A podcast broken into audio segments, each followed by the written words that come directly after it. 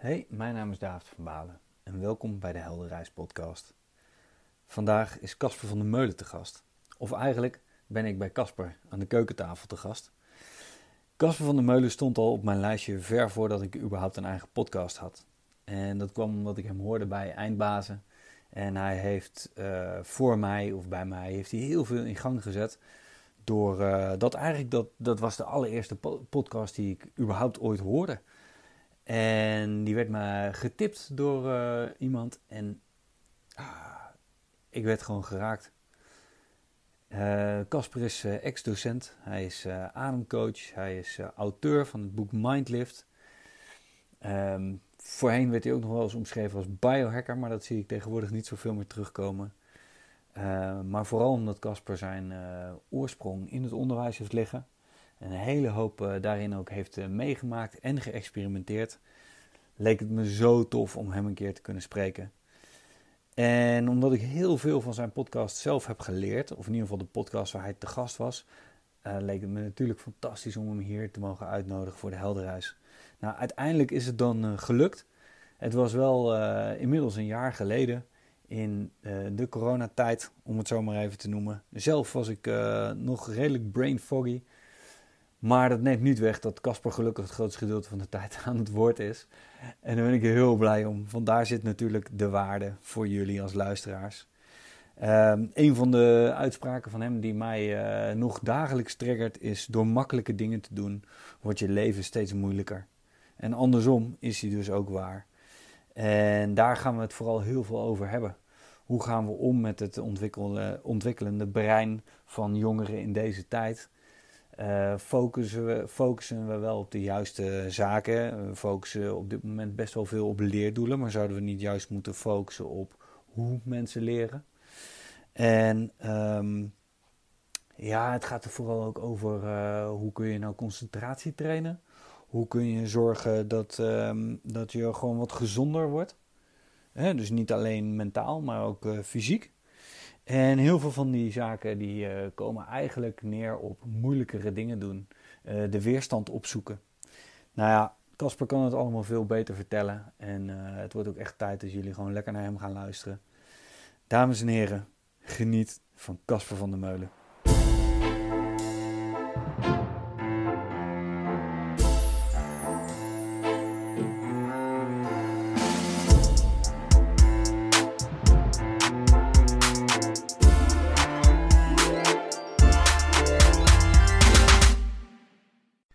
Casper van der Meulen. Van harte welkom uh, bij de Helderreis podcast.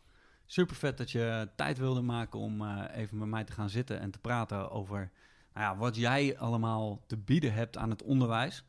Want uh, dat is eigenlijk wat ik hier doe. Ik geef mensen waarvan ik vind dat ze mooie inzichten hebben, die geef ik een podium. En um, pak dat podium, laat zien en vooral laat horen wat uh, wij in het onderwijs kunnen leren van alle dingen die jij hebt geleerd. Ja, mooi. Het is een eer om hier te zijn. Het is altijd leuk om uh, dingen te doen die met het onderwijs te maken hebben. Ja, heel vet, heel vet. Um, ja, ik vertelde je net al even, voor mij begon het uh, in de zomer 2017 met een appje van een ex-vriendin. Die zei, hey, deze gast doet me denken aan jou. En dan zit je hier inderdaad naar een vergelijkbare koukoepie en baardje te kijken. glunderende blauwe ogen. En um, ja, het is voor mij een beetje onwerkelijk om nu met jou aan tafel te kunnen zitten. En ik zal daar een andere keer uh, wel wat langer over uitweiden. Want uh, nou, ik heb je net al verteld, het heeft voor mij heel veel in gang gezet toen. Um, een aantal dingen die jij toen hebt gezegd en uh, waar ik graag het verhaal achter zou willen horen. Een van de dingen is, um, jij zei, joh, weet je, en ik duik er gewoon in als je het goed vindt. Zeker. Hoor. Top. Een van de dingen is, op het moment dat jij jezelf heel makkelijk maakt, dan krijg je een heel moeilijk leven. Yes. Ja, absoluut. We zijn um, als uh, mensen antifragiele wezens, om het mooie woord te gebruiken. Wat betekent dat we alleen sterker worden door uitdaging, eigenlijk. En er is een hele sterke neiging naar comfort en weg van weerstand in het moderne westerse denken. Zeker in het onderwijs. Waardoor we niet meer leren om onze eigen weerstand op te bouwen en om sterk te zijn. En eigenlijk als je kijkt naar de gemiddelde jongere, die heeft momenteel eigenlijk de kans om het grootste deel van zijn tijd eh, ja, heel comfortabel binnen te zitten, temperatuur gecontroleerde ruimte, stilzitten, niet bewegen en vooral ook emotioneel intense en interessante ervaringen te beleven door een scherm. Dus iemand anders het zien doen of via videogames en dat soort dingen. Waardoor er dus heel weinig. Dus je, hebt dan eigenlijk eh, eh, ja, ge- geen input om, om te bewegen, om sterk te zijn, om om te kunnen gaan met wisselingen in temperatuur, en energiebehoeften. En zeker met, eh, ja, met emotioneel uitdagende scenario's, want het is allemaal een soort van uitbesteed aan andere dingen. En ik heb zelf een hele fase van mijn leven eigenlijk alleen maar dingen gedaan die makkelijk waren. En mijn leven werd alleen maar moeilijker ervan. Dus in de tijd dat ik, eh, ik had overgewicht, ik was depressief, ik had allerlei uh, verslavingjes en kon heel moeilijk met mezelf omgaan. Ik had veel last van, last van angstigheid. Ja, ik deed ook eigenlijk alleen maar makkelijke dingen. Beetje rondhangen, een beetje zitten, een beetje eten. En um, dat comfort, die, die comfortzone, dat is een plek waarin we eigenlijk vastroesten, vast komen te zitten.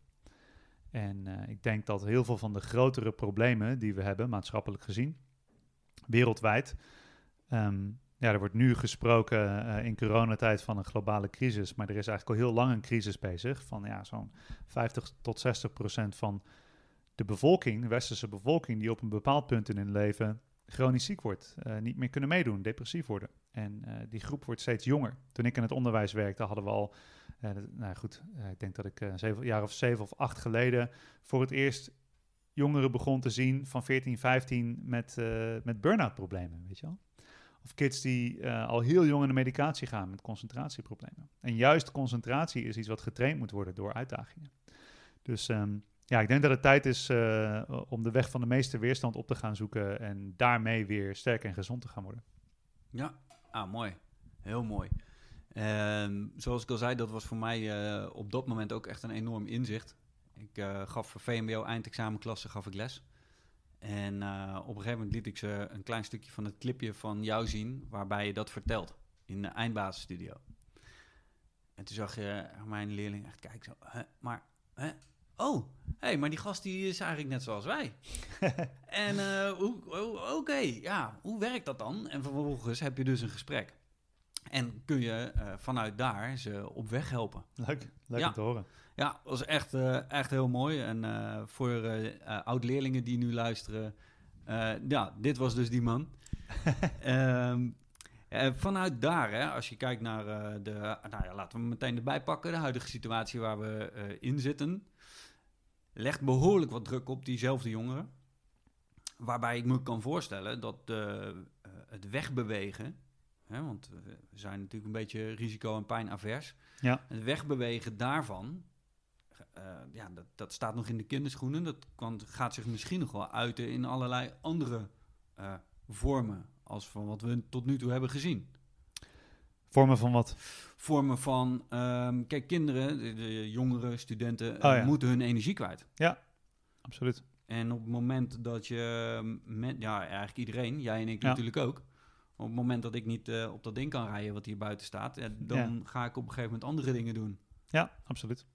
Nou, ik denk dat um, het lastige is wel voor, uh, voor jongeren, zeker met meer en meer binnen zitten en meer en meer achter een scherm zitten en niet meer naar school kunnen bijvoorbeeld, is dat er inderdaad veel minder sociale prikkels zijn om je in te uiten en dat je die ergens anders gaat zoeken. En als je, zeker als het via een scherm gaat, ja, dan, dan komt daar een hele uh, grote fysieke inactiviteit bij kijken, fysieke zwakte, waardoor dus eigenlijk de prikkels en heel veel jongeren die um, kiezen, vooral uh, jonge mannen, die zijn geneigd om hele intense prikkels uit te zoeken. Want dat is eigenlijk waar, zeker in de puberteit, het, het jongensbrein uh, naar op zoek is.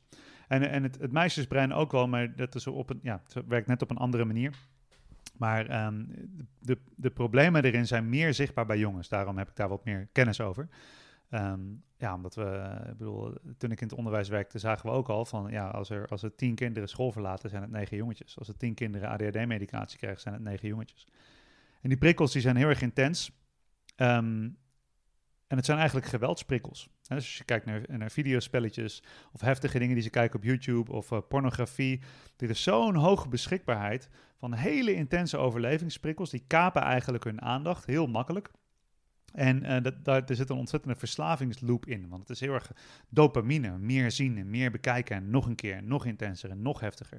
Waardoor eigenlijk de mentale lading, de emotionele lading van die prikkels wordt steeds hoger. En die wordt niet meer gepaard met een, uh, ja, een uitlaatklep, een fysieke uitlaatklep. En jezelf te kunnen meten ten opzichte van die prikkels. En dat is heel belangrijk voor je ontwikkeling, voor zowel jongens als meisjes, voor, voor iedereen eigenlijk. Om, ja, je leert iets, je hebt een emotionele ervaring of je hebt een nieuw cognitief concept van iets wat je meekrijgt. En vervolgens wil je dat gaan testen hoe dat in de echte wereld werkt. En je wilt het zien gebeuren. En als iets um, dus heftig is of intens en je hebt geen feedback vanuit het leven dat je op je donder krijgt of, eh, of weet je wel, uh, er gebeurt iets heftigs of je moet jezelf ergens kunnen redden, ja, dan heb je eigenlijk, eigenlijk alleen maar meer input zonder dat echt te kunnen verwerken in een real-life situatie. En dat is wel eens iets waar ik me druk om maak. Dus ja, waar zit dan het positieve, waar zit de kans? Nou, de kans zit er heel erg in. Um, dat we dus terug kunnen gaan naar de basis. Dat als je dus niet meer naar sport, sportclubs kan en je, of, of um, uh, de, er, is, er is minder mogelijkheid om dat um, uh, in, in de normale structuren te doen. Ja, het enige wat er eigenlijk nog is, is de natuur. En het bos in, bomen klimmen, uh, door de modder rollen, bij wijze van spreken. door, door de bossen heen fietsen, rennen, um, buiten zijn in de kou, in de regen. Dat zijn dingen die heel essentieel zijn. Eigenlijk ouderwets buiten spelen gewoon. ja. En ik denk dat het zo belangrijk is, meer en meer...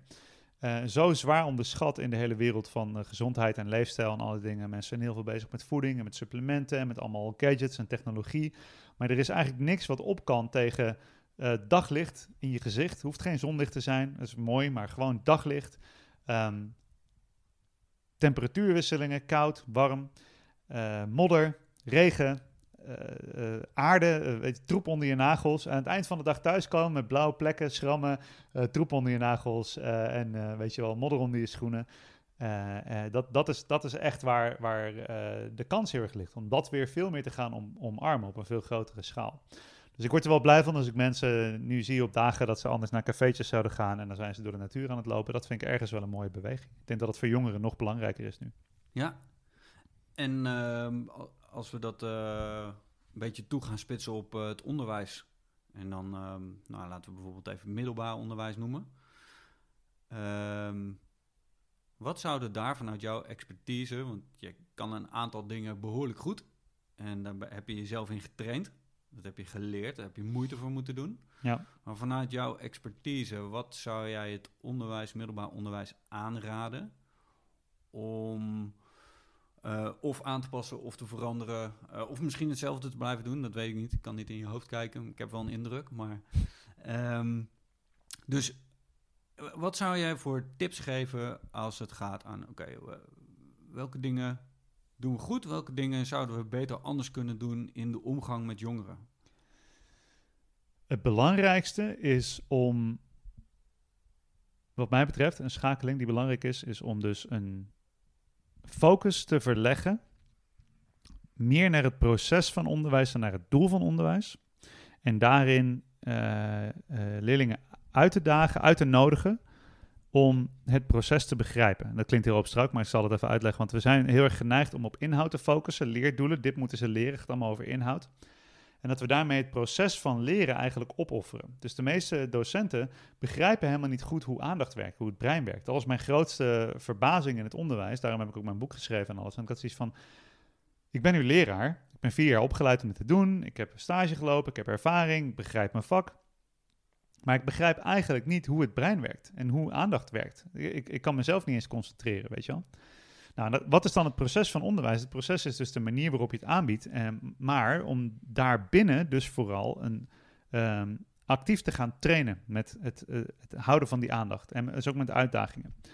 Uh, als een leerling iets moeilijk vindt, dat is een goed teken. Dat is mooi, want dan is hij aan het leren. Maar hoe ga je dat ondersteunen? Als je alleen maar zegt van dit is je doel en jij vindt het moeilijk, dus je behaalt je doel niet en haal je je cijfer niet en dan heb je een oordeelmoment, ja, dan wordt het ontzettend stressvol om naar het doel toe te werken.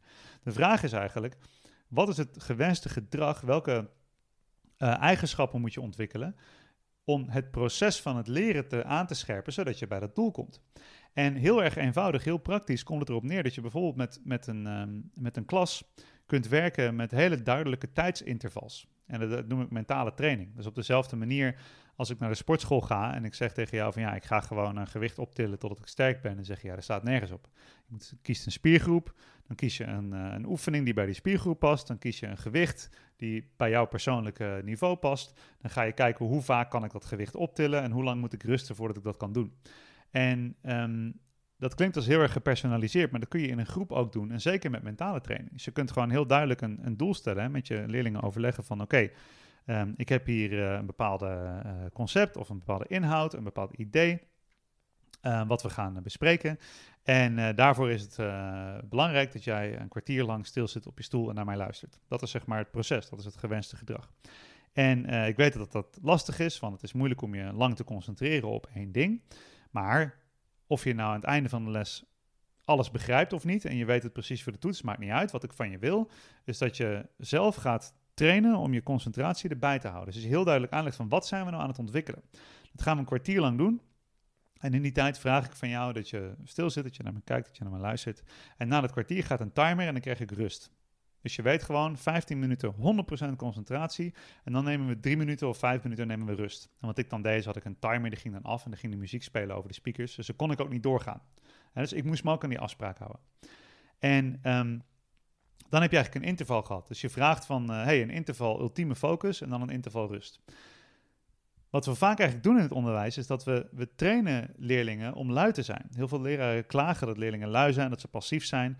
Maar om weer het voorbeeld van mentale training of van, van fysieke training te gebruiken. Als ik tegen jou zeg van hé, hey, we gaan een stukje hardlopen. En ik vertel jou niet hoe lang of hoe ver. Dan ga je voor de zekerheid ga je niet een sprintje trekken op maximale intensiteit. Ga je voor de zekerheid ga je een beetje achterover van nou, maar eerst maar eens kijken wat er gaat gebeuren, weet je wel. Hmm. Dus dat doen we met leerlingen eigenlijk ook door gewoon te starten. Ze lopen de klas binnen en ze weten, de meeste leerlingen hebben jaren ervaring als bewijs dat ze weten, ja, dit gaat niet 100% op mij aangepast zijn. Ik ga nu een onderwijsdag in van 7 of 8 uur. En er is een hele grote kans dat ik tegen de grenzen van mijn concentratie aanloop. Dus voor de zekerheid ga ik maar extra luider inzitten, want ik moet mijn energie verdelen over de dag heen. Maar als ik tegen jou zeg van, hé, hey, ehm, oké, we gaan 5 kilometer rennen en we gaan uh, erop mikken om dat in een half uur eh, te doen, nou, dan weet je ongeveer, oké, dus dan ga ik ongeveer zo hard, ga ik zoveel stappen, ga ik uh, zo snel ademen. Oké, dan kun je dat een beetje inschatten. En dan weet je precies hoe je dus je energie kan verdelen over de tijd. En het is, hoe vaker je dat doet, hoe, hoe beter je begrijpt, oh ja, wacht even, als ik 10 kilometer ren, neem ik dit tempo. Als ik 100 meter ren, neem ik dit tempo. En dat is eigenlijk iets wat we zouden kunnen uh, gebruiken, dat principe, om onze leerlingen te helpen om zelf te gaan inzien van, hé, hoe richt ik mijn aandacht in? Als ik tegen een klas zeg van, oké jongens, ik ga jullie uitdagen vandaag. Um, want ik weet dat jullie het kunnen. Ik ga vandaag 25 minuten lang, ga ik non-stop theorie tegen jullie aanlullen. Verhalen vertellen en theorie uitleggen. En jullie gaan zitten luisteren. Nou, dan weet ik dat in theorie is het, is het bijna onmogelijk om je 25 minuten te concentreren. Maar ik ga jullie uitdagen. En ik ben ervan overtuigd dat jullie het kunnen. Dat is een hele andere manier van communiceren over het proces. Want dan zeg je eigenlijk, uh, waar het over gaat, is trainen. Dus we gaan onze concentratie trainen. En uh, aan het einde zit er een beloning. Dus kun je een beloning bedenken. En wat ik dan vaak deed aan het begin van het jaar, zei ik tegen mijn leerlingen, legde ik uit van kijk, de concentratiespannen wordt geregeld door een heel duur deel van je hersenen. Die kan niet zo lang energie uitgeven. Dat is een spier die niet zo sterk is op dit moment. Dat is oké. Dus ik ga niet langer dan 10 minuten theorie uitleggen aan jullie. Dat is gewoon een afspraak. Maar we gaan er naartoe trainen om aan het einde van het jaar ga ik een half uur theorie tegen jullie aan kunnen lullen. En dan ga je je 100% kunnen concentreren. Let maar op. Als iets van, hè, wat, oké, interessant. En als ik dan aan het einde van het, uh, van het lesjaar, dan zei ik tegen ze, nou, het is zover jongens. We zijn uh, bij 30 minuten aangekomen. Vorige week hebben jullie 25 minuten opgelet. Supergoed geconcentreerd. En nu komt die, dit is de Ultimate Challenge, 30 minuten. En dan had ik serieus leerlingen die zeiden van, nee, nee, we gaan gewoon 40 minuten. ja. Ik zei, oké, oké, ik denk niet dat jullie het aan kunnen, maar als je denkt, ja, kunnen we wel, 40 minuten zo, weet je wel.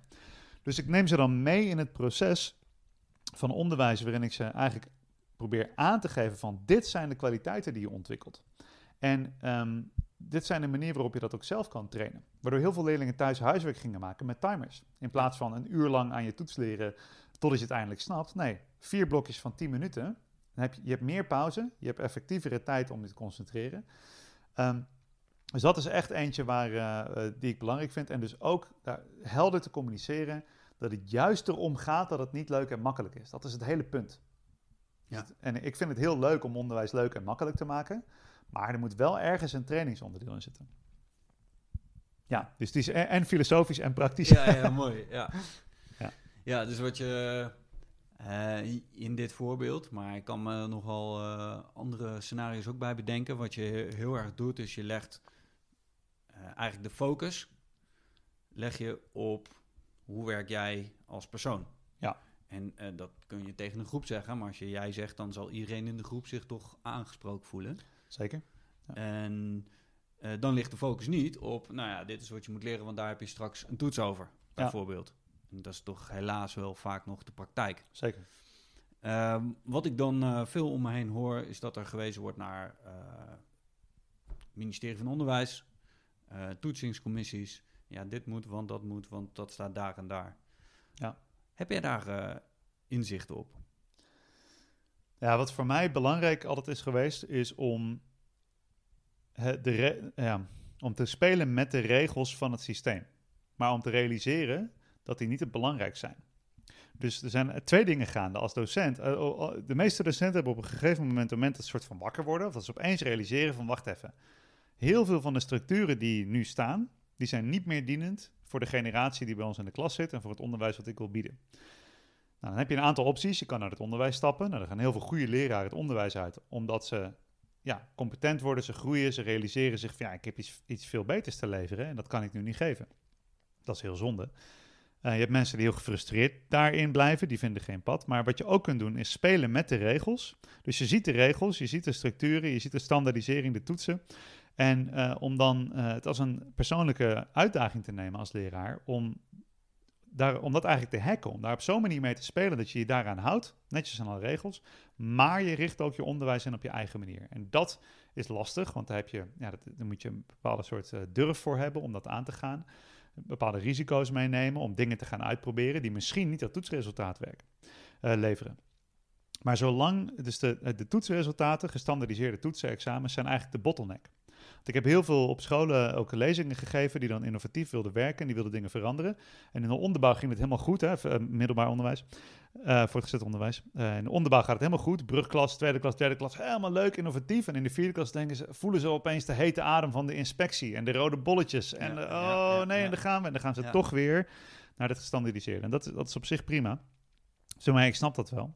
Dus de vraag is een beetje van, kun je daarmee, eh, kun je daarmee spelen? Nou, er zijn een paar ehm, dingen die je kunt eh, gebruiken daarvoor. Ten eerste is die, ehm, het, het hele denken van gestandardiseerde toetsen is gebouwd op ehm, identificatie met resultaten. Dus eh, we hebben hier een overzicht van al je cijfers en dat zegt iets over wie jij bent.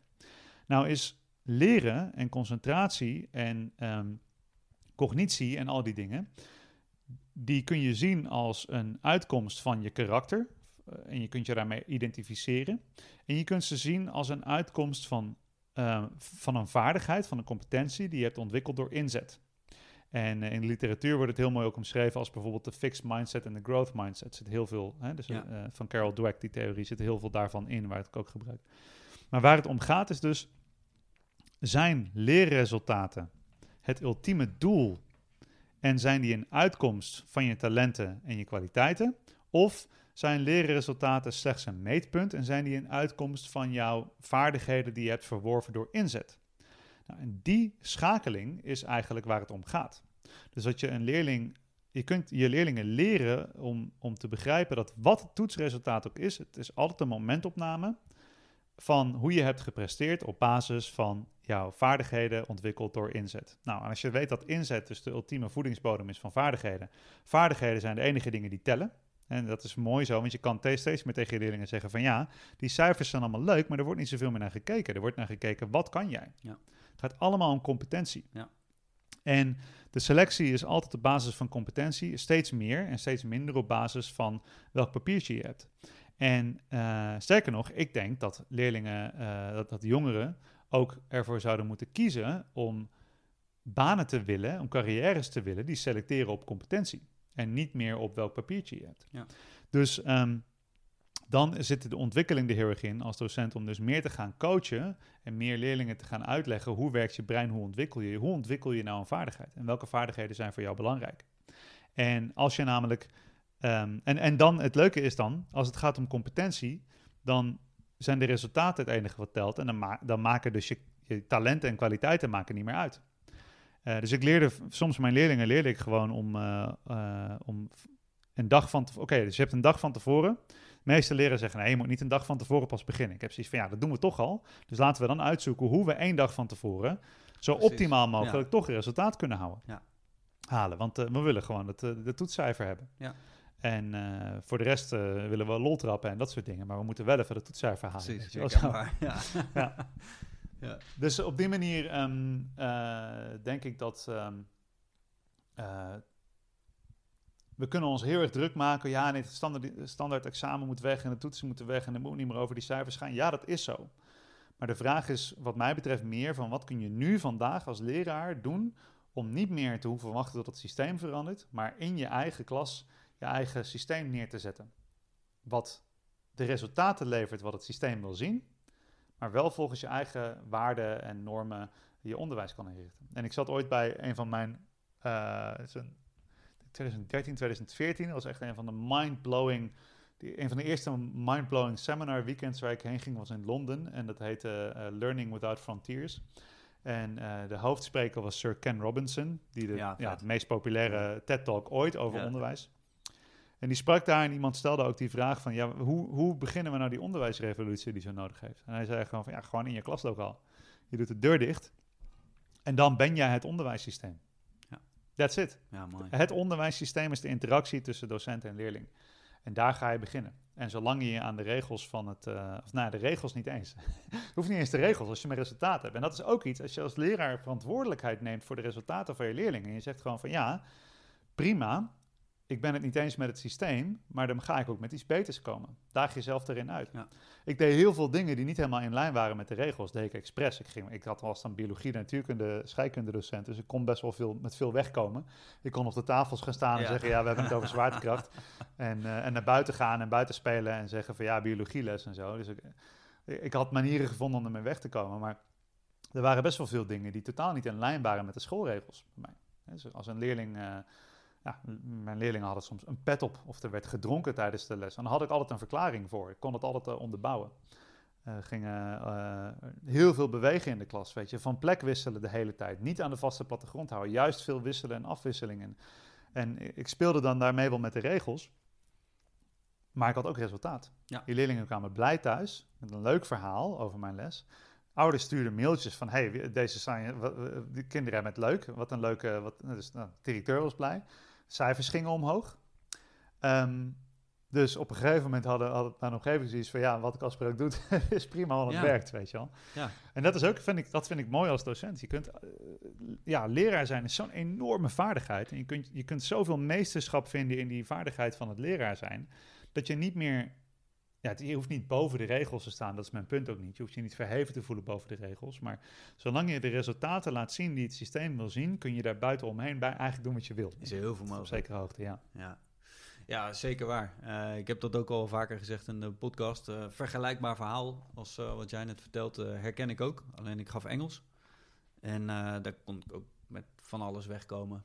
En als de cijfers maar inderdaad klopten, ouders en vooral leerlingen tevreden ja. dan is het uh, over het algemeen gewoon prima. En dat kreeg ik ook terug. Dus nou, hier nog een verhaal waarbij dat dus gewoon uh, prima zo heeft gewerkt. Dus uh, zit jij nou thuis en denk ja, ik zou eigenlijk ook wel iets vetters willen doen met mijn les. En um, ik zou ook wel iets meer willen doen op het gebied van de ontwikkeling van de kinderen, van de leerlingen. Want dat is natuurlijk waar je eigenlijk op stuurt. Ja. Je stuurt op die ontwikkeling, op ja. een stukje cognitie, op een stukje focus. Uh, wij hebben het vaak over ja, of je traint je focus, of je traint je afgeleidheid, of je bent in rust. Ja, ja. mooi. En vanuit daar zou je inderdaad op allerlei speelse manieren heel erg leuk met je leerlingen kunnen werken. Ja. Heb ik een vraag aan jou. Die gaat over het volgende. Um, hardships. Je noemde het er straks ook al eventjes. Uh, ik ben er zelf ook niet onbekend mee. Soms moet je gewoon even door hele zware shit om vervolgens jezelf opnieuw te ontdekken. Zijn die nou per definitie nodig? Of kun je ook gewoon zware dingen op gaan tillen en dan is het uh, dat is een ander soort hardship? Nou ja, de vraag is, is het een gekozen uitdaging of niet? En uh, mijn definitie van geluk is het vermogen om je eigen leidensweg te kiezen. Het leven, uh, een, een, leven zonder uitdagingen, een leven zonder moeilijkheid is niet leuk. Nee. Dus, en, en, hoe meer we de uitdagingen wegnemen in de maatschappij, hoe zwakker we worden, hoe ongelukkiger we worden. Dus we zijn nu zo'n 70, 80 jaar in relatieve comfort. Eigenlijk nou ja, sinds de Tweede Wereldoorlog en na de opbouw, jaren 60, 70, is eigenlijk het grootste deel van het Westen is in rijkdom en comfort. Ja. Dus eigenlijk alle overlevingsuitdagingen zijn weggenomen. en 40, 50 jaar later hebben we uh, de meest zieke, te dikke, opgebrande, depressieve, uh, gemediceerde, gemedicaliseerde, nou ja, de medicijnengeneratie ooit. Zijn zwak. Zijn zwak geworden. Ja. Dus um, het leven ik denk dat het spel van het mens zijn, we hebben nu even een menselijk leven, eventjes zo, duurt me heel kort, we zijn er even, um, wordt getekend door uh, uitdagingen. En ik denk dat wanneer we niet uitdagingen van het leven krijgen, dat is een zegen. Dat is natuurlijk fantastisch. Ik ben heel erg blij dat ik niet, uh, ja, dat ik niet uh, een onverklaarbare ziekte heb opeens, weet je wel. Uh, mijn, mijn, mijn, dochter is gezond en allemaal, dat is heel fijn. Daar ben ik heel dankbaar voor. Um, tegelijkertijd is het gegarandeerd dat er enorme uitdagingen zullen komen. Dat ik geliefden ga verliezen. Dat, ik, dat spullen kapot gaan. Dat ik niet krijg wat ik wil. Dat is gewoon gegarandeerd. En ik denk dat dat wel een hele goede, ook in het onderwijs belangrijk is om aan kinderen mee te geven. Van hé, het gaat moeilijk worden. Je gaat echt heel veel moeilijke dingen tegenkomen. En dat is, dat is waar het om gaat. En als je, je kan je leven besteden met proberen om weerstand te hebben tegen die moeilijke dingen. En ze proberen te, te vermijden, daarvan te ontsnappen. Of je kan je tijd besteden om een leven te bouwen waarin jij weerstand hebt tegen die dingen. En dat doe je dus door ook bewust je eigen uh, uitdagingen en leidensweg op te gaan zoeken. Want als je elke dag naar de sportschool gaat en uh, je werkt met uitputting of met zware gewichten tot het punt dat je echt even niet meer weet hoe je ermee om moet gaan. En daarna, uh, tien minuten later, voel je, je helemaal top. Dan train je ook die mentale spier en het vermogen om te weten: hey, hier is een uitdaging. En ik ga daardoor groeien. Hier is een uitdaging, ik ga daardoor groeien. Um, en dat is, in, dat is een natuurwet. We groeien door uitdaging. Dus alle, alle bomen, alle planten die je ziet die hoog zijn, die zijn hoog geworden omdat ze moeten concurreren voor licht. Dus dat, ja, degene die het hoogste zijn, die hebben gewonnen van alle anderen. Ja. Nou, die kunnen het beste omgaan met die uitdaging van hoe kom ik bij het licht. En zo werkt het ook, denk ik, als, uh, als mens. Dus ik denk dat de, de, de basisaanname van um, laten we comfort zoeken, dat die niet meer werkt voor de wereld die we hebben. En 200 jaar geleden, weet je wel, onze over, overgrote uh, ouders, ja, die, die waren wel gek als ze voor de lol buiten in de winter in de sneeuw gingen rollen. Zo. Want ja, je hebt, je hebt nauwelijks verwarming. Als de verwarming een keer aanstaat, dan ga je heel dichtbij zitten. Want je moet noodgedwongen heel vaak die kou in. Nu is het eigenlijk andersom. dus ja. uh, werken met koude, met hitte, met uh, uitputting, met, met zware gewichten, mentale uitdagingen. Um, telefoonnummers uit je hoofd leren en zo, wat ik nog zelf heb meegemaakt vroeger, wat, wat nu ook weg is. Dus um, ik denk dat hoe vaker je bewust en doelgericht, met liefde, vanuit zelfzorg wel natuurlijk, hè, dus niet al pushen en uh, doel, uh, allemaal doelmatigheid, maar echt vanuit een gebied van zelfzorg uitdagingen opzoekt, hoe, hoe meer je klaar bent voor de uitdagingen die het leven, die het leven je toch wel gaat bieden. Ja, ja. ja dat, de, dat denk ik ook. Uh, waar voor mij de grote uitdaging zit, en dan ga ik daar nog iets dieper op in, is.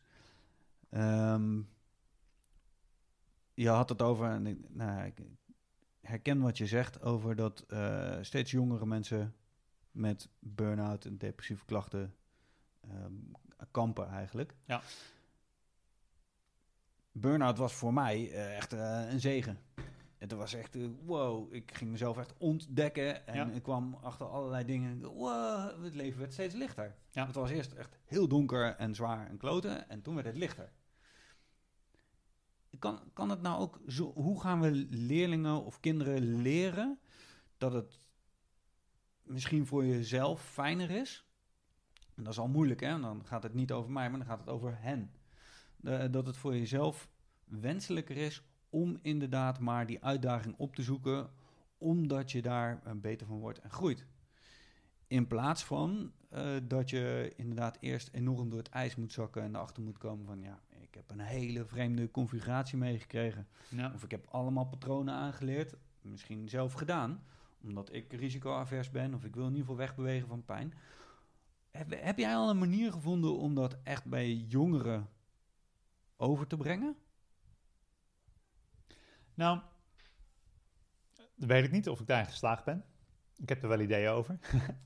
Ehm, ik denk dat de- er, is een, er is een bepaald riedeltje wat, waar, je doorheen kan lopen. Hè? Er is een bepaalde loop met, met bepaalde stappen. En elke keer als je dat riedeltje doorloopt, dan word je er beter in. Als we jong zijn als kind, dan, ja, dan ontwikkelen we al een bepaalde aversie voor stress en discomfort en een bepaalde voorkeur voor andere ervaringen. Dus er zijn bepaalde ervaringen, die heb je gewoon. En eh, hoe jonger je bent, hoe, hoe meer gewoon die, als je huilt, dan huil je. Als je pijn hebt, heb je pijn. Als je lacht, dan lach je. Het is gewoon heel zuiver. En langzamerhand leer je om dus een, ja, eh, een, verlangen te hebben naar bepaalde ervaringen en een aversie van andere ervaringen. En dan ga je leren, als je, je kan lopen en kan praten en hoe meer interactie je hebt met de wereld, hoe beter je leert om ehm, die voorkeuren en die afkeren te gaan manipuleren en te krijgen van de wereld. Oh, als ik me op deze manier gedraag, krijg ik die goedkeuring. Als ik me op die manier gedraag, krijg ik die vervelende ervaring. Nou, zo ontwikkel je allerlei patronen. Dat is heel nuttig. Leer hoe de, hoe de wereld werkt. Een burn-out is eigenlijk het moment dat alles wat je hebt geleerd niet meer voor je werkt. Dus eigenlijk is een, een, een burn-out is een hele gezonde reactie. Je kan het bijna zien als een gezonde immuunreactie, in zekere zin, op een leven wat niet goed voor je is. De vraag is, hoe kom je aan al die patronen en overtuigingen en aan het leven wat niet goed voor je is? Nou, zoals je zei, je krijgt een pakketje mee, je krijgt het voorgeprogrammeerd. Hoe meer wij doen als leraren, alsof we het allemaal weten, alsof er een pad is, alsof het systeem klaar ligt voor je en eh, er voor jou is, hoe meer een leerling later in het leven gedesillusioneerd raakt als dat niet blijkt te kloppen. Dus dat is de, de valse belofte van het onderwijs, is dat eigenlijk. En hoe die belofte werkt is constante uitstel van het moment dat het oké is. Dus je zegt eigenlijk van, hé, hey, uh, nou, uh, welkom op school. Je moet al deze dingen halen, deze dingen halen. Dan kan je het volgende jaar, dan moet je al die dingen doen, al dit doen. Dan ben je nog niet klaar, dan moet je dat doen, dat papiertje, dan moet je dit doen. En uiteindelijk moet je dan ook nog een, een punt bereiken dat je, nou, dan ben je klaar. En dan moet je ook nog het bedrijfsleven in, dan moet je dit bereiken en dat. Dus er wordt hele tijd gekeken van, kijk, daar komt uiteindelijk die beloning. Dus doe nou maar wat ik zeg. Ja. Ga nou maar over je grens, eigenlijk. Hè. Uh, luister nou maar niet naar, naar wat jij in je voelt. En, uh, want uiteindelijk komt de, de, grote belofte. En dan ben je er. Dan ben je gearriveerd. Alan Watts die spreekt, uh, spreekt er heel mooi over. Is een belangrijke zenleraar. Over dat punt van arrivatie. Waar, hey, nee, het komt dan, het komt dan, het komt ja. dan. Ik denk dat wat we leerlingen daarmee leren, jonge mensen daarmee leren, is dus ga maar over je grens heen, negeer maar wat je voelt. Ja, ik snap heus wel dat jij nu wil zitten wiebelen en bewegen en dat je naar buiten wil, want het is lente, klein ADHD-yogie. Maar jij moet gewoon deze fucking wiskundesommen maken, want anders dan heb je later niet uh, die, dat punt van arrivatie met het huis en de carrière en de ja, dingen. Ja. Dus er is zo'n constante, uh, ja, die valse belofte, die valse belofte. En ik, ja, als ik mensen tegenkom met een burn-out of een depressie, gefeliciteerd. Laten we een feestje vieren. Ja. Want dat betekent dat je nu het moment hebt, hé, hey, oh, wacht even, al die dingen die ik heb meegekregen, die hebben niet geleid tot dat punt van arriveren waar ik voor ging. Ja. Dus laten we in het onderwijs nou leerlingen laten zien wat de korte termijn directe in het moment ervaring is van een doel stellen, na, op een manier er naartoe bewegen die misschien ongemakkelijk is, maar als je door het ongemak heen bent, oh, dan heb je dat, die interne beloning. Dat punt van groeien, dat punt van ontwikkeling. Dat je denkt van wauw, dit is het. Hier ben ik. ik. Ik ben er. Ik heb dit gedaan zelf. Dit is wat ik heb bereikt met mijn eigen inzet. En het was even vervelend, maar ik ben er. Het was heel vervelend, maar ik ben er. En de hele tijd, dan leer je dus een nieuw riedeltje, waarbij je juist naar de uitdaging toe beweegt, naar de weerstand toe, naar het vervelende ding toe beweegt. En je moet er even doorheen. En daarna komt die beloning. Nou, het is nu, kijk, uh, als, je denkt aan uh, het vroegere leven, als je zelfs denkt aan jager-verzamelaars, aan ons oerbrein. Als je niets te eten hebt, ja, dan voelt het heel vervelend. Dan voel je je gefrustreerd. En die frustratie is de driver waardoor je opstaat, waardoor je naar buiten gaat, waardoor je risico's gaat nemen om je beloning te krijgen. Dus frustratie, ongemak, risico.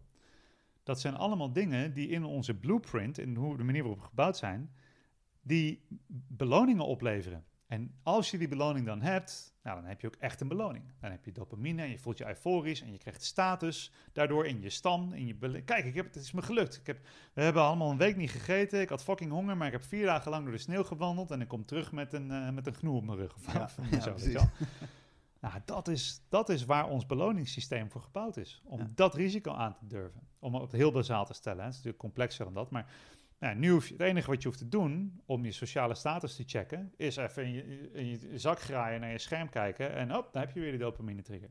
En op een hele gemakkelijke manier, heel veel comfort. Dus um, wat mij betreft is de rol van het onderwijs in de moderne wereld niet meer om informatie over te dragen, want die informatie ligt er gewoon. Niet meer om leerlingen klaar te stomen voor een arbeidsmarkt, want die arbeidsmarkt, die, we weten ineens dat er nog bestaat over tien jaar, weet je wel. Ja. Maar om dus mensen te helpen om zelfsturing te ontwikkelen, dat is het eerste. Dus hoe manage je jezelf binnen een constant veranderende wereld? Nou, door te zorgen dat jij zelf kunt sturen welke competenties je opbouwt op basis van wat er nodig is. Nou, hoe doe je dat? Door de hele tijd te begrijpen wat is nou voor mij de meest logische volgende stap qua uitdaging om te nemen. Dus waar ligt voor mij eigenlijk het discomfort, het ongemak waar ik weer even doorheen kan groeien om weer ietsje sterker te zijn? als je dan het onderwijs uit, want dan kun je, dan kun je dus je eigen leren kun je dan sturen en je eigen welzijn kun je sturen. Nou, als je je leren en je welzijn kan sturen, dan kun je gedijen in de moderne wereld. Ja. Want als er dan over een jaar opeens uh, ja, bepaalde kwaliteit in, uh, in een programmeertaal nodig is, en je hebt geleerd van ja, maar ik, uh, ik ben een, ik ben een alfa. Dus ik, kan, ik ben een alfa, dus ik kan geen beta-lingen programmeren. Dat is beta, dus dat kan ik niet. Ja, dan uh, kun je niks. Klaar. Dan hang je. Ja. Maar als jij zoiets hebt van, hey, oké, tof. Dus er is nu een vraag in de wereld. Hè? Dus de, de prooi van nu is nu niet, niet de gnoe en ik hoef niet door de sneeuw te wandelen vier dagen. Nee, de prooi van nu, dus ik ga die programmeer, programmeertaal leren. En ik heb 18 jaar lang in het onderwijs geleerd. Dat is lastig, ziet er spannend uit, dat is eng. Interessant, daar ga ik wat van leren. En dan beweeg je erheen en dan weet je hoe je dat moet doen. En, ja, en dan ben je weerbaar in een, in, een, in een wereld die de hele tijd verandert. Ja, ja mooi. Heel mooi gezegd. Uh, doe spannende en moeilijke dingen, dan kom je verder. Ja. Ja. ja. En um, je komt uit het onderwijs. Je bent nog een keer bij Dream School maar ja, heel hard aan de slag gegaan. Ja. Uh, was ook vet om te zien. En nu dan, ligt daar voor jou, want het is duidelijk dat je er nog affiniteit mee hebt. Ja. Ligt daar voor jou nog een, uh, een, een, missie of wil je nog iets doen in het onderwijs? Ja, zeker. Zeker. Absoluut. En ik ben heel erg aan het zoeken naar wat de vorm is. Ik, ik spreek veel voor onderwijscongressen en zo, dat doe ik wel. Aan de ene kant vraag ik me heel erg af, uh, wat is er nodig? Want ik heb al deze meningen wel. Maar wat ik merk is dat in het onderwijs uh, leraren zijn alleen ontvankelijk voor informatie als ze daar direct resultaat uit halen, als ze daar direct winst uit halen. En dat, dat is grappig, want leerlingen ook. Ja. Komt het op de toets? Ja. Is altijd de vraag. En dan zeggen leraren, daar gaat het niet om. Als ik voor een onderwijscongres sta en zat er zaal met leraren, dan zeggen zij, kan ik dit morgen in de klas gebruiken? Oftewel, komt het op de toets? Ja, ja snap je? Ja, ja. Dus, dat, um, dus de vraag is, wat komt er op de toets van de leraar? Dat ben ik me heel erg aan het afvragen. Nou, waar ik nu naar zit te kijken is een, um, een, uh, een programma waarmee we dat stuk zelfsturing, waar ik het hele tijd over heb, heel praktisch kunnen insteken met behulp van ademoefeningen. Mooi. Ik denk dat de, de, um, de onderwijsrevolutie uh, ligt in alles wat ik gezegd heb, maar waar zit het praktische gedeelte? Het praktische gedeelte zit in het vermogen om je staat van zijn te sturen. Dus wanneer je een uitdaging voelt, wanneer je stress voelt, spanning voelt, uitputting voelt, vermoeidheid, concentratieverslapping, dat is een staat van zijn die je in je lichaam kunt waarnemen. En het laatste wat we leren in het leven, de meeste mensen leren het nooit, is dat die staten van zijn onder onze persoonlijke bewuste invloed kunnen komen te liggen.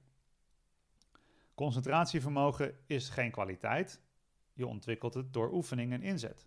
Maar het is ook een staat van zijn die je in het moment kunt sturen. Dus ik denk dat we het onderwijs meer moeten gaan inrichten op basis van een begrip van de fysiologische staat van zo'n leerling. Dus een leerling die een half uur heeft stilgezeten, als je soort van met een soort van x-ray bril, uh, röntgenbril door die leerling heen kan kijken, dan zou je moeten weten, oh ja, wacht even, die leerling heeft een half uur stilgezeten. Of eigenlijk wat je ziet is, oh, ongewenst gedrag. Daar slaan we op aan. Ongewenst gedrag, daar moeten we wat mee. Wat we eigenlijk moeten doen is, uh, stop, oké, laat ik daar eens doorheen gaan kijken. Wat zit daarachter? De leerling heeft een half uur stilgezeten. Die heeft in de pauze uh, troep gegeten die hij van huis heeft meegekregen. Het is allemaal verwerkt voedsel, allemaal suiker. Die zit in een suiker. Of die heeft een Red Bulletje geklapt in de pauze. Ja. dus die is helemaal in een soort van chaos piek en die gaat zo meteen crashen. Prefrontale kwap krijgt te weinig bloed, krijgt te weinig zuurstof. De leerling heeft geen intrinsieke motivatie. Dat kan ik ook niet van hem vragen, want zijn hele lichaam is overhoopt. Ook nog hormonale staten die daar een, een, een rol in spelen. Het is buiten lekker weer. Al die dingen spelen een rol. Ja. Dus wat nou als we die staat van zijn eerst kunnen beïnvloeden en dat daar van nature het gewenst gedrag vanuit voorkomt? Dat is dus een hele andere insteek. Niet zeggen, ik zie ongewenst gedrag, ik wil van jou gewenst gedrag. Want dan neem je het hele systeem wat die leerling is, neem je niet mee. We moeten eigenlijk vragen, hoe kunnen we het onderwijs inrichten, zodat die leerlingen in de juiste staat van zijn komen, waardoor ze het gewenste en lerende gedrag van nature gaan vertonen. Ja. Met beweging, met voeding. Um, en beweging en voeding die, die, die werken soms direct. Hè, dus als je een, een week lang uh, schakelt van uh, verwerkte, uh, ja, gewoon slechte voeding die leerlingen nemen, naar gezonde voeding of naar um, van één uur per week gymles naar elke ochtend gymles, ja, ja dan is daar een direct resultaat te zien. Dat is gewoon wetenschappelijk onderbouwd. Ja. Dat is ook iets wat me frustreerde. dat ik dacht van, hey, we hebben allerlei problemen hier in het onderwijs, in de school. En, en ondertussen is hier een enorme stapel van wetenschappelijke studies die gewoon uitleggen hoe leerlingen beter worden in wiskunde door een drie kwartier op een home trainer te Bewegen, fietsen. Ja, ja, weet je wel. Maar goed, dat zijn weer dingen die ook lastig te integreren zijn. Want ja, hoe ga je gymles? Weet je? Hoe ga je extra gymles regelen als jij dat vindt als leraar? Dat is waarom ik aankom bij ademoefeningen. Want ademoefeningen zijn een hele snelle manier om de staat van zijn te wisselen. Om een, om een, uh, een hyperactieve klas rustig te maken. Om een uh, vermoeide klas weer energie te geven. Um, om de concentratie te herstellen. En om dus eigenlijk met de zuurstofniveaus, uh, de staat van het zenuwstelsel, dus de fysieke, fysiologische staat van zijn, te gaan spelen. Om aan de, ten eerste van als leraar vanuit een zendende rol een klas in een andere staat van zijn te kunnen brengen, waardoor ze beter kunnen opletten. En tegelijkertijd leerlingen leren, hey, als jij iets voelt, ongemak voelt in je lijf, waardoor je onrustig wordt en wil bewegen en dat is storend, en dan krijg je weer op je kop, dat wil je niet. Dus hoe kun je nou die onrust omzetten in rust? Nou, daar hebben we hier een ademoefeningetje voor. Ga dat eens proberen. Ga je zelf eens trainen om elke keer als je merkt van, oh, ik, ik, ik doe iets waar ik niet mee eens ben, wat eigenlijk leerlingen zelf ook voelen. Ze voelen ook zelf dat ze ongewenst gedrag vertonen, vinden ze ook niet leuk. Oh, wacht even, dan ga ik even dit oefeningetje doen met mezelf. Ook oh, voel me beter. Dus dat is een schakel. Dus om het heel praktisch te maken, ja, ik zit te denken aan een training voor, uh, voor het onderwijs. Voor, ten eerste voor leraren om dit zelf te leren. Het lijkt me heel leuk om een tour te gaan doen langs scholen. Om, uh, om dus uh, met drie of vier hele eenvoudige praktische ademoefeningen die echt op casus gestuurd zijn. Um, die ook maar twee tot vijf minuten duren. En direct resultaat opleveren. Dus die kun je gewoon gaan doen. Ja om daarmee um, leraren te ondersteunen. Want dit hele verhaal, ja, de leraren die dit horen, ja, die dat zijn mensen die al geïnteresseerd zijn, die zijn al bezig. Dus ja, ik kan wel hele filosofische, uh, innovatieve verhalen gaan houden over het onderwijs, maar dat raakt niet. Maar als ik tegen een leraar kan zeggen van, hé, hey, je hebt een drukke klas, drie minuten deze oefening doen, vervolgens zitten ze een kwartier lang braaf naar je te luisteren, oh, dan, dan is er wel een kans dat ze ermee aan de slag gaan. Ja, dan kun je het gebruiken om te toetsen. Ja, precies. Ja. ja. Hey, mooi. En... Um, uh, nou ja, ik kijk er naar uit. Lijkt me hartstikke vet als je zo'n tour gaat doen. Ja, ik laat het je weten. ja, cool. Uh, is, het, is het ook mogelijk, uh, want jij kan niet overal zijn en ik denk dat je hier echt wel ook iets te pakken hebt.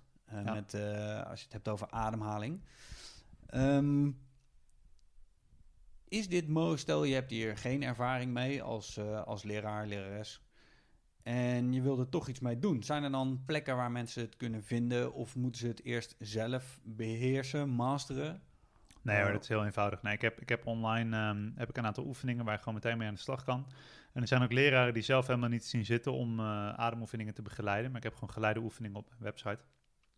En die zetten ze dan aan in de klas. Dan zeggen ze van, nee, we gaan even met z'n allen deze oefening doen. En kunnen ze meekijken met de Ja, animatie. precies.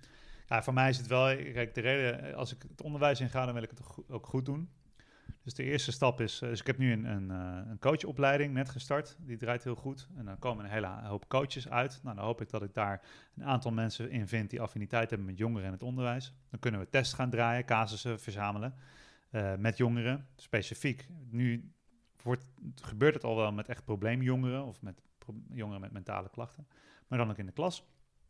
En als dat staat, ja, dan kunnen we een specifieke opleiding gaan maken voor docenten, waarin je dus inhoudelijk leert om ademoefeningen te doen, maar ook leert hoe je als docent daarin geïnspireerd kunt raken.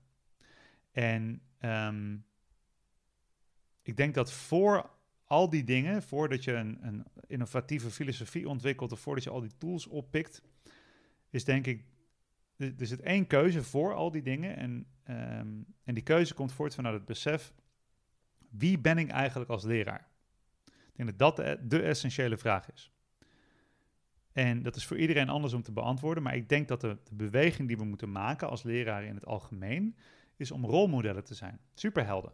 Ja. En de vraag is dan, wat voor rolmodel ben ik? Want het enige wat je echt kan overdragen is wat je zelf leeft.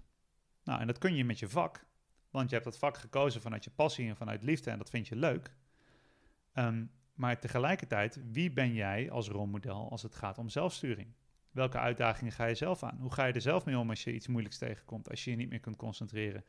Ehm, als je iets spannend vindt, als je iets eng vindt, als je, eh, als je gepest wordt, weet je als, als sociale dingen niet lekker lopen.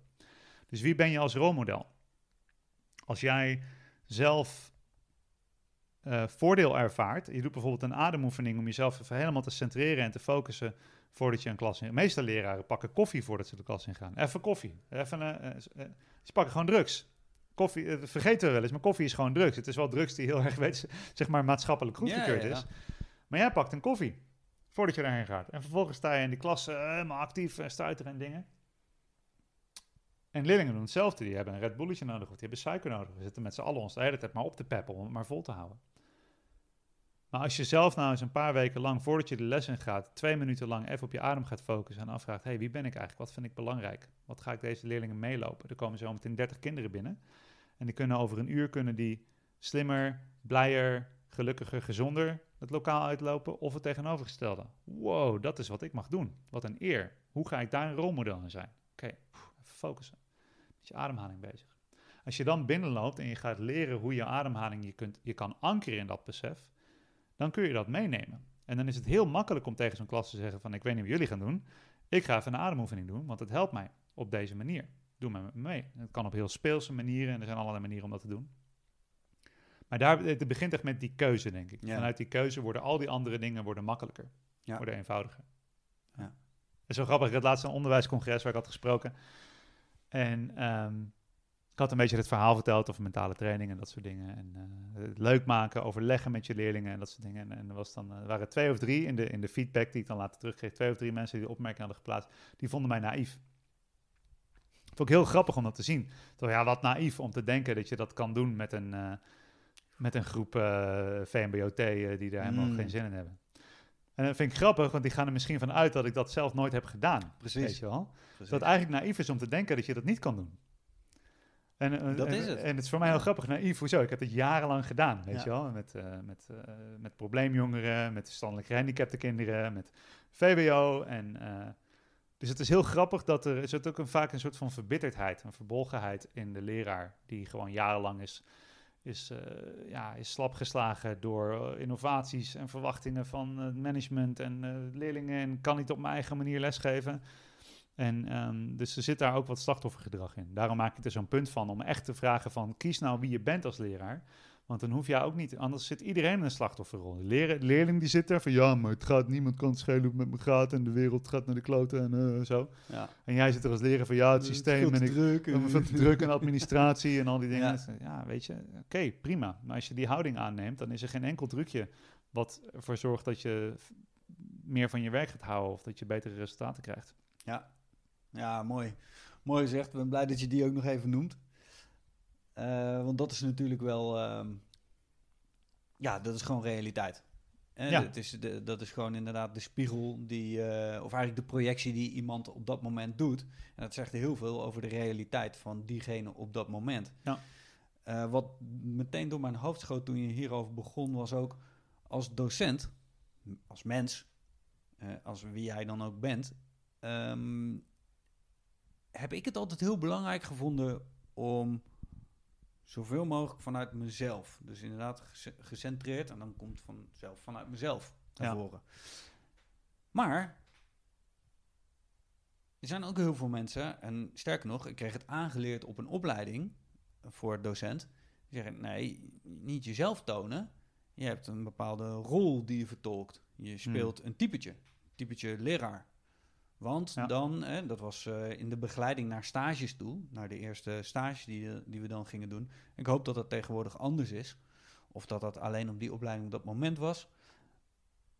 Maar die, die staan dus ook voor de klas. Ja. En op het moment dat je dat niet kan, dat je niet in staat bent om te schakelen naar die kwetsbaarheid, naar gewoon jezelf, ja, dan gaat niemand daarop aan. Ja. Dus daar zit, dat, dat, dat, ja, dat vraagt wel wat van, van iemand om inderdaad de, het veilige eh, masker of panzer even los te laten. En misschien langzaamaan los te laten. Ja. En echt contact te maken. Niet Ja. alleen met jezelf, maar dus ook met die groep. Ja, dat is een heel essentieel punt. Mooi omschreven. Ik vind het, dit is heel belangrijk, ook voor mij, eh, op dit moment in mijn dagelijks werk. Want eh, ja, toen ik voor de klas stond, had ik gewoon mijn leerlingen en, en ja, die, daar kan ik een bepaalde rol spelen. En nu begin ik bekendheid te krijgen en ik ben zo nu en dan op tv. En het typetje Casper, iedereen, ja, er zijn nu een paar du- duizenden mensen die daar een ander, allemaal een ander beeld van hebben. En dan moet je je dus afvragen van, wat is, wat is de rol van dat masker wat je hebt? Want het is heel belangrijk om dat masker te hebben. En ik ben ongelooflijk dankbaar dat ik heb geleerd in, in, in, de, in de loopgraven van het onderwijs jarenlang om dat te kunnen doen. Want nu kan ik, eh, soms moet ik in Los Angeles zijn en dan ga ik voor een weekend, slaat helemaal nergens op, maar dan vlieg ik voor een weekend naar Los Angeles en dan uit een vliegtuig met een jetlag en 30 uur niet geslapen en al die dingen voor een groep eh, CEO's en eh, weet je wel, die hebben mij ingevlogen. En Ja. nou, dan ben ik heel blij dat ik dat masker heb. Ja, Want als ik dan hem helemaal authentiek voel en dan zeg ik gewoon jongens, ik ga een dutje doen, zoek hem maar uit. voel me kut. Ja, en Ja. wat ik dan heb is vaardigheid, ervaring en professionaliteit. Ja. Waardoor ik dus voor de dag kan komen als een professional in mijn rol en dingen kan overbrengen. Dus- en dat heb je als leraar ook nodig. Dat heb ik daar geleerd. Want er zijn, ja, als jij persoonlijk in de, in de knoei zit, je kunt niet voor je klas gaan staan huilen. Maar wat wel eens gebeurt, is dat leraren het zo lang volhouden dat ze geen andere optie hebben. Precies, dat Ja. vanzelf gebeurt. Dus het is een, eh, ik denk dat vooral ehm, wat eh, in de leraaropleiding zeker, dat er eerlijk wordt gedaan over wat de interne beweging is tussen je rol en je kern. Want je kan zo verwikkeld raken in een rol dat je je kern kwijtraakt. En je kan zo dicht bij de kern staan dat je de rol niet meer kan spelen. En daar zit een constant balanspunt. Dat is echt een dans. Ehm, en ik had ook, eh, ja, ik had ook wel eens een leraren vroeger zelf die zeiden, die, er was eentje die zei, nu zet ik mijn lerarenpet weer op. En dan ging die, was heel suf eigenlijk, ik vond het helemaal niet leuk. Maar het is wel, in, dat is wel een soort van interne beweging die je soms moet maken. Ik vond het, ehm, wat mij betreft, waardevol om bijvoorbeeld tegen een klas te zeggen van jongens, ik zit niet zo lekker in mijn vel. Ik ben moe of ik heb niet lekker geslapen. Maar ik heb wel heel veel zin om met jullie te gaan werken. Dus ik ga heel hard mijn best doen om, eh, om een toples van te maken. Eh, en eh, doen jullie met me mee? Dat waarderen we leerlingen enorm. Ja. Dus je laat, je, je, je, eh, je laat zien dat je een mens bent. Je, je spreekt je eigen waarheid in dat moment. Hè, je geeft eigenlijk toe, hé, hey, ik ben een mens. Ik heb het ook zwaar. Jullie hebben ook van die dagen soms. En dan ga je direct naar je professionele rol. We maken er wat moois van. Dat gaan we samen doen. Ik denk dat daar ergens zit de balans van het hele. En ik heb ook best wel eens met leerlingen dat ik persoonlijke verhalen deelde uit mijn eigen jeugd toen ik leerling wa- was en zo. En zeker uit mijn foute periode, dat ik een beetje een stuk, ja, ik ging dan zelf spijbelen en, eh, en ik had een hekel aan leraren en ik ging dan stiekem jointjes roken in het park en zo. En ehm, als je zo'n verhaal vertelt alsof je met je maten zit te kletsen, ja, dan is het helemaal niet functioneel. Nee. Dan schiet je, daar hebben de leerlingen helemaal niks aan. Dat vinden ze wel tof, Ja, maar daar hebben ze niks aan. ja precies. Maar je vertelt zo'n verhaal met, met, een, bepaalde, met een bepaalde functie. Ja. En als je weet vanuit je rol, als ik het verhaal op deze manier vertel, dan is dit de moraal van het verhaal en ik laat een deel van mezelf zien. Exact. Dus het is de hele tijd van waar zit het? Ik merk wel dat leraren die zichzelf verliezen in het werk en die dus echt tegen een burn-out aanlopen of het niet meer leuk vinden, geen inspiratie meer hebben, ja, die, die zitten, dan is er vaak te veel afstand gekomen tussen die rol, dat masker, en de kern, wie ze zijn. En vaak is het aan het begin van je carrière, maak je een beweging naar één van die twee kanten toe. Dus ik maakte bijvoorbeeld de beweging om, om heel authentiek te willen zijn. En dat ik dus soms eigenlijk onprofessioneel te veel mezelf was. Ja. Ehm, en dat, dat zie je heel veel. Daar heb ik veel leraren ook in begeleid. Dat is een hele natuurlijke beweging. En, en die voelt veel enger, want die, die voelt als, eh, als, eh, als een soort van tegen de regels. Zeker, want je moet wel je rol hebben. Ja. Dus de meeste leraren voelen zich veel veiliger aan de andere kant om heel erg in die rol te gaan hangen. Terwijl iedereen doorheeft dat het allemaal onzin is. Die Ja. hele klas die zit er zo van, weet je, er is zo'n moment dat, je, dat leerlingen in de klas zitten en loopt een leraar binnen en die begint te kletsen en, de hele- en, en er is een soort van, iedereen begrijpt elkaar. Ze kijken elkaar aan en ze hebben zoiets van, ja, deze, deze gaat het niet redden, Nee, toch? Nee, deze hebben we er over drie weken, hebben we Ja. die naar de kloten. En, nou, en dat is heel heftig. Want dat vind ik het echt zo mooi aan werken met pubers, wat ik er echt van heb geleerd. Die draaien op authenticiteit. En als je niet authentiek bent, als je doet alsof je autoriteit hebt, ja, dan hebben ze je. En nu heb ik overal, nou, als ik voor een, voor een eh, zaal grijze pakken in een corporate eh, omgeving, in een bedrijf, event sta of zo, ja, dan kom ik overal mee weg. Ik kan een heel verhaal ophangen. Maar omdat ik getraind ben door mijn pubers, die gewoon zeggen van, hé, hey, ik geloof jou niet, dit is onzin, Ja. kom maar op. Check. Ja. Weet ik gewoon van, oh ja, wacht even, nee, dit is, ik wil, dat, dat is, vind ik wel belangrijk, Ja. om, om echt te zijn. Ja, dat is echt een intern, eh, een heel essentieel ding. Ja, mooi. Eh, jij zat een beetje met je tijd, geloof ik, hè? Even kijken. Ik heb nog eh, vijf of tien minuten zo. Ja, Oké, Ja. mooi. Ehm, Oké, dan ga ik hem uh, segwayen naar het einde van het verhaal. Eerst maar eens eventjes, Casper, de- in deze tijd. ehm, en dan, we nemen dit op, wat, wat zitten we, maart. ergens eind maart, coronitis. en ehm, eh, volgens mij ben jij iets meer van de coronawelles. Wat, ehm, wat kan er wel voor jou op dit moment? En ehm, wat kunnen we dus naast de opleiding waar je mee bezig bent, eh, van jou verwachten? Dus waar zit nog een stuk eh, missie voor jou? En je doet zo Ja. na- zoveel en je hebt al heel veel gedaan. Ik ben net trouwens ook in de, in de sportschool geweest Ja. van je, mag ik het sportschool noemen? Ja, zeker. Ja. Ehm, super vet. Hele mooie plek. Fijne mensen ook. Meteen al eventjes ontmoet. Eh, wat ligt er allemaal nog voor jou in het verschiet, man? Ja, goede vraag. Ehm, ik probeer daar de laatste tijd zoveel of zo weinig mogelijk over na te denken van wat zou ik moeten doen. Oh. En zoveel mogelijk, ja, maar het is wel echt, is wat kan er wel? Je kan altijd van dienst zijn. Er is altijd een manier om bij te dragen. En soms is dat puur naar jezelf toe. Maar ik denk dat ook dingen zoals gezondheid en kracht en eh, persoonlijke ontwikkeling, als je die in dienst stelt van iets wat groter is dan jezelf, dan vallen er heel veel zorgen en heel veel angst en heel veel dingen weg. Nou, voor mij was het op het moment dat eh, al mijn events waren gecanceld. Ik had twaalf trips naar het buitenland in 2020 die allemaal gecanceld waren. En, eh, nou, en werken met groepen, alles wat het leven, mijn leven echt zijn glans geeft. Waarvan ik denk van wauw, dat ik dit leven mag leiden. Dat viel, heel veel van die dingen vielen weg. Toen ben ik er even mee gaan zitten en dat ik dacht van... ehm, Oké, maar wat doe ik dan dus als alles waar ik van hou en waar ik het liefst doe, als dat wegvalt? Wie ben ik dan nog? En dat is een hele mooie vraag om te stellen voor iedereen, denk ik. En eh, toen had ik zoiets van, ja, gewoon lesgeven. Want het maakt niet uit wat er gebeurt. Eh, ik wil lesgeven, dat is wat ik doe. Dus dan ga ik dat doen. Ehm, want dat is ook hoe ik van dienst kan zijn. En ja, er zitten mensen op te wachten. Dus dan ga ik dat doen. En ehm, zodra je vraagt van waar kan ik van dienst zijn, dan, dan vind je allemaal, allemaal plekken opeens waar je invloed kunt hebben. Want als jij van dienst bent, dan heb je een positieve invloed op iets anders of op iemand anders. Iets wat ik al heel lang uh, bijvoorbeeld uh, al wilde doen, maar omdat heel veel reizen en niet veel thuis zijn, kwam het er niet in, is bijvoorbeeld om, om plastic vrij te gaan leven. Ik wil eigenlijk heel graag meer doen voor, voor de natuur, voor het milieu. En ik dacht van, nou, ik ben nu thuis. Ik hoef niet te reizen. Uh, ik hoef nooit onderweg iets te kopen. Ik ga een manier vinden om dus volledig plasticvrij boodschappen te doen. dat is een enorme reis. En wat ik ook ga doen, is ik ga één keer in de week ga ik wandelen en dan ga ik plastic oprapen van de straat. En het is heel eenvoudig. En wat ik eerder, ik had het gevoel, ik ben de wereld aan het reizen en ik reis daarheen en dan werk ik met CEO's en dan reis ik daarheen en werk ik met topatleten en dan heb ik invloed en dan gaat mijn gedachtegoed de wereld over, heel groot. Oké, maar wat kan er nu hier? Ik kan gewoon nu daarheen lopen en dat stuk plastic oprapen. Oké, dan ga ik dat doen. Dus ik kan nu, uh, weet je, een, een, jongere die met depressieve klachten thuis zit, kan ik gewoon zeggen, hey, zullen we een uurtje erover kletsen of gaan wandelen? Kan gewoon. En ik denk dat, um, dat daar ook het, de, de voldoening ligt van je werk. Dat je het gevoel hebt dat je bijdraagt aan iets. En leraren zitten zo dicht bij die bijdrage. Altijd.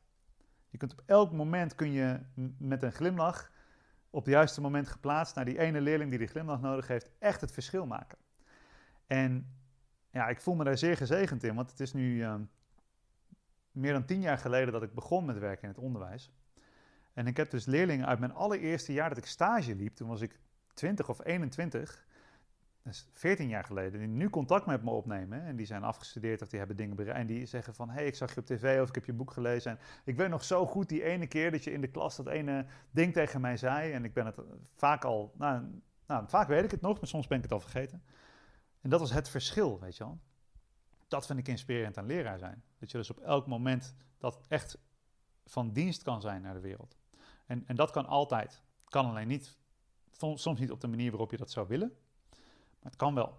Dus dat is echt iets. Ehm, nou, voor mij is de grotere vraag daarin. Uh, eerder was ik heel erg bezig met vragen: wat wil ik? Wat wil ik doen? Wat wil ik bereiken? Een doel stellen en daar, naar, daar naartoe werken. En dan eigenlijk uh, dus ja, iets, iets bedenken wat ik wil. En dan zorgen dat het leven dat gaat doen. Voor, nou, voor mij niet, hè, maar dat het leven er zo uit gaat zien. Zo van, oh ja, ik wil deze dingen bereiken. En dan, uh, nou, een jaar later is het allemaal gelukt. En dan kijk ik om me heen van, oh, ik heb dat.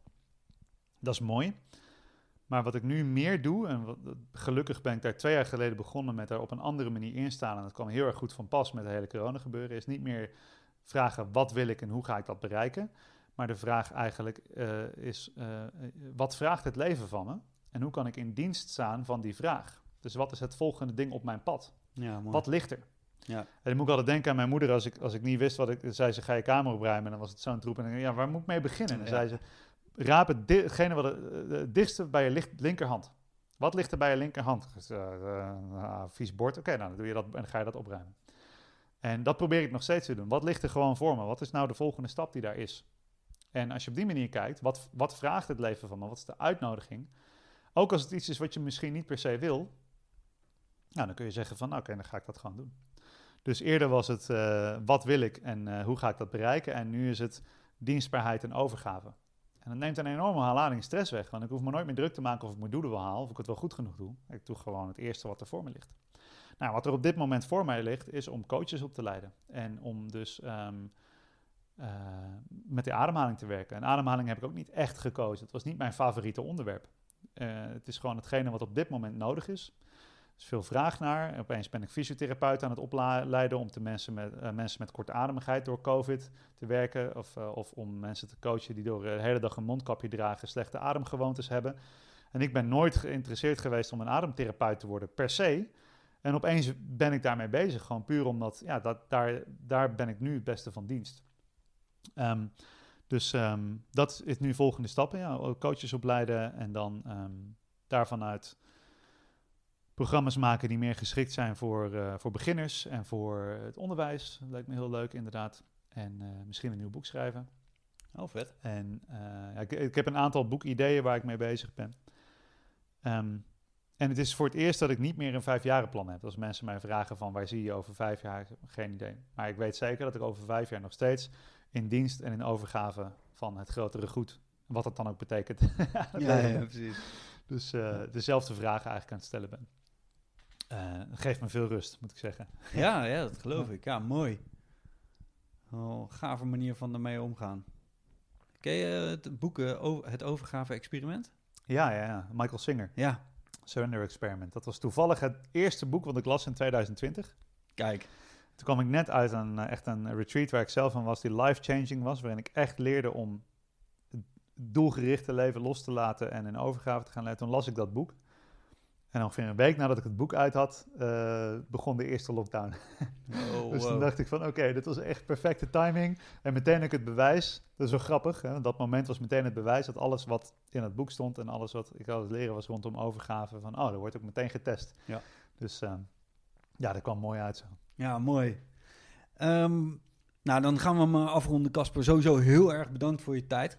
Ja, graag gedaan. Uh, gaaf om even uh, je brein te mogen plukken. En um, nou ja, tenslotte heb je nog een paar uh, afsluitende mooie woorden voor al onze knokkers in het onderwijs. Ja, ik, um, sowieso is het voor mij altijd een eer als ik weet dat de leraren mee luisteren. Want ik, ik weet gewoon hoe moeilijk het werk is, hoe intens het werk is en hoe belangrijk het werk is.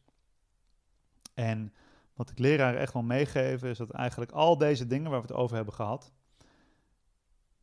die komen voort, van, voort uit een keuze om echt jezelf te gaan zijn, voor jezelf te kiezen en voor jezelf te zorgen. En mensen in het onderwijs hebben zo'n mooie missie, zoveel passie en die kunnen zo goed geven aan die leerlingen, zoveel te geven. En degenen die het beste kunnen geven, die zijn het beste in het werk, maar die lopen ook het eerste tegen die muur aan. Ik denk dat de onderwijsrevolutie erin gaat zitten dat elke leraar voor zichzelf gaat afvragen: wat inspireert mij? Waar word ik gelukkig van? Wat vind ik het mooiste om te doen? Hoe krijg ik energie? Hoe slaap ik lekkerder? Hoe zit ik lekker in mijn vel? En want, hè, dus hoe, hoe vul ik mijn eigen glas zodat ik weer kan schenken aan mijn leerlingen? En dus uh, focus daarop. Weet je wel, dat, is wat mij betreft um, het belangrijkste Zeker in een tijd dat het lijkt alsof de politiek alles besluit. Uiteindelijk ben jij degene die tegenover de nieuwe generatie staat. En die ze iets mee mag geven. Vanuit jezelf. Iets waar je, wat jij belangrijk vindt. En ongeacht wat voor virus er is, wat de politieke situatie is, wat, wat er ook nog gaat gebeuren. Op dit moment ben jij degene die vanuit jezelf, van wat jij belangrijk vindt, van jouw inspiratie, iets mee kan geven waar die generatie over tien jaar met de uitdaging die zij dan weer gaan hebben, die weer helemaal anders zijn dan wat we nu hebben, daar beter in staan. En dat die, ja, dat die personen dus blijer, gelukkiger, gezonder, fijner naar huis gaan nadat jij interactie met ze hebt gehad. Dus elke interactie die je hebt, kun je iets geven, maar wel als je het zelf hebt. dus geef het ook aan jezelf. Ja, ja. dat is hem. Ja, geweldig. Hey, hartstikke bedankt man. Graag gedaan. Jo. Mooi. En um, Waar kunnen mensen jou vinden, volgen, et cetera? Oh ja, dus, die was ik ehm, bijna vergeten. Uh, ik ben het leukst om te volgen, uh, hoor ik van mensen op Instagram. Daar ben ik het meest actief. Uh, het Caspers Focus, K-A-S-P-E-R-S F-O-C-U-S. Website is mindlift.com, daar vind je mijn boek. En ademcoachopleiding is breathworkmasterclass.com. Check. Yes. Dankjewel.